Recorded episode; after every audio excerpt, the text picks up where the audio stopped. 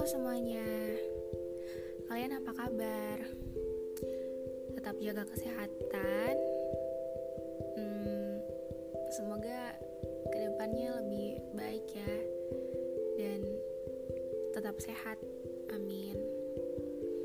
Jadi podcast kali ini sengaja saya buat untuk siapa pun kamu yang sedang mendengarkan podcast saya sebelumnya saya mau bilang terima kasih untuk semua telinga yang sudah meluangkan waktunya untuk dengar podcast saya. Um, ini untuk kamu yang apa ya? Saya juga nggak tahu bilangnya gimana. Hmm, mungkin untuk kamu yang ekspektasinya dihancurkan oleh realita Kenapa saya bilang ekspektasi? Karena sebenarnya saat kita kecewa itu bukan karena keadaannya yang salah, bukan karena orangnya yang salah, tapi karena ekspektasi kita sendiri. Banyak ekspektasi di kepala kita yang tidak terjadi di dunia nyata yang nyatanya gak sesuai sama realita yang kita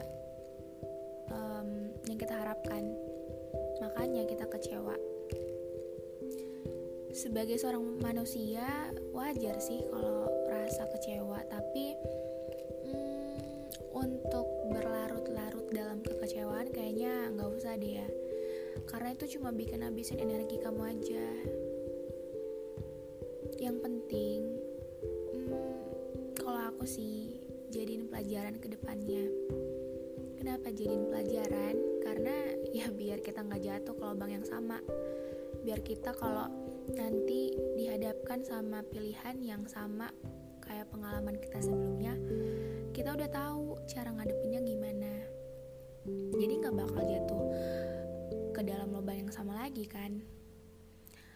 Kadang hal yang terjadi dalam hidup kita itu nggak semua buruk kok mungkin kelihatannya aja buruk tapi tanpa kita sadari ini menurut aku ya itu adalah wujud dari doa-doa yang kita doakan.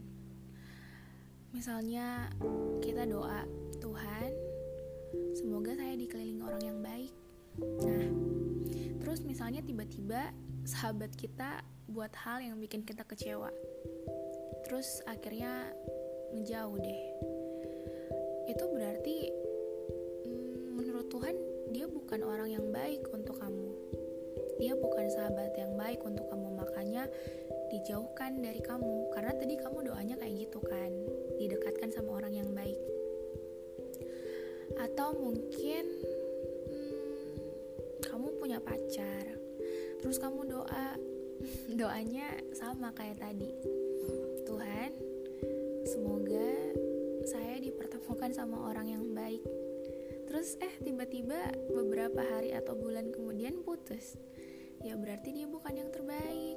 Berarti Tuhan udah persiapkan orang yang pantas nemenin kamu ada di keliling kamu yang baik. Jadi bukan mereka.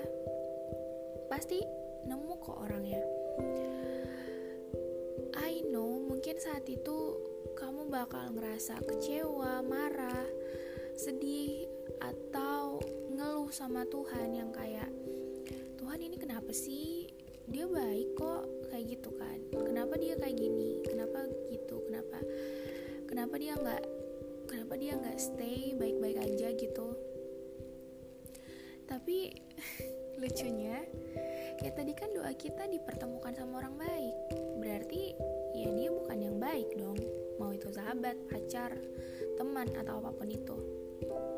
Gini ya, saya percaya sih salah satu berkat atau rezeki itu nggak selalu harus tentang materi, nggak selalu harus tentang uang, nggak selalu harus tentang harapan yang terwujud, nggak selalu harus tentang doa-doa yang terwujud sesuai apa yang kita mau.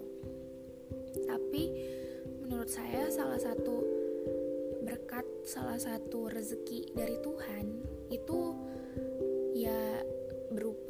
dikelilingi sama orang-orang yang baik. Karena kalau uang kita bisa cari tapi kalau sahabat sahabat orang apa pun itu ya kita nggak bisa beli. Karena itu ketulusan dari hmm, hatinya sendiri. Jadi kita nggak bisa minta Tuhan saya mau dia karena menurut saya dia baik. Tapi kan yang tahu hati orang yang tahu sikap yang tahu semua tentang manusia itu yang ciptain kan? Jadi dia tahu yang sepadan yang mana yang sepadan ya bakal dipertemukan sama yang sepadan juga. Hmm, pernah nggak kalian ketemu orang baik sih? Entah ini teman atau pacar ya atau masih tahap PDKT baik tapi nggak cocok aja gitu. Circle-nya beda nggak bisa sefrekuensi. Tapi kalau mau dibilang baik ya dia baik. Saya sering sih ketemu orang yang hmm, orangnya baik anaknya asik tapi nggak bisa nggak bisa temenan. Nggak sefrekuensi aja nggak tahu kenapa.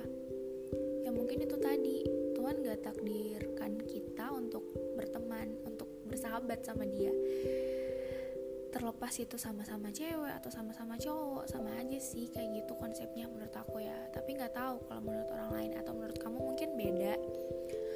Um, untuk segala dan semua ekspektasi di kepala kamu yang dihancurkan oleh realita.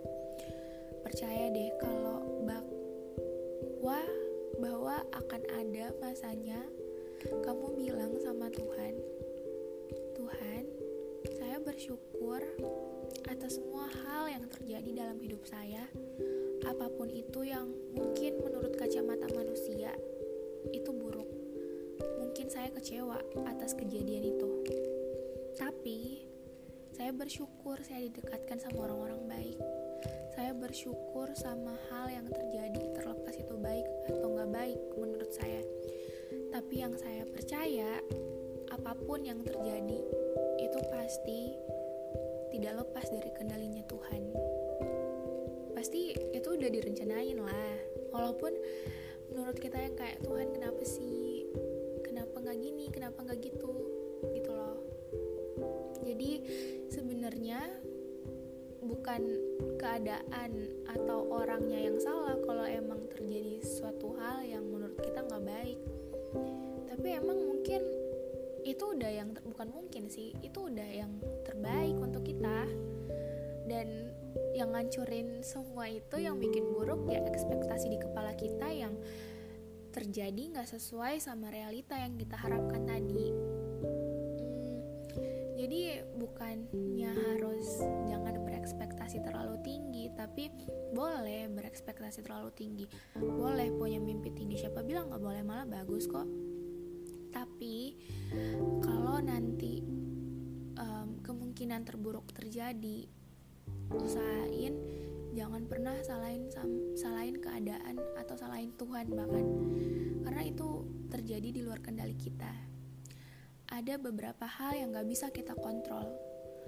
Ada beberapa hal yang terjadi gak bisa, gak bisa aja kita kontrol karena itu bukan kendalinya kita.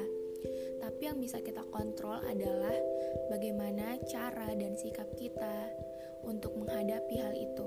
Bagaimana tanggapan kita dalam respon hal itu? Bagaimana perasaan dan hati kita untuk menerimanya dan ikhlas untuk semua hal yang terjadi? Termasuk kalau hmm, realita yang terjadi nggak sesuai sama ekspektasi kita. Gitu deh. Terima kasih sudah mendengarkan.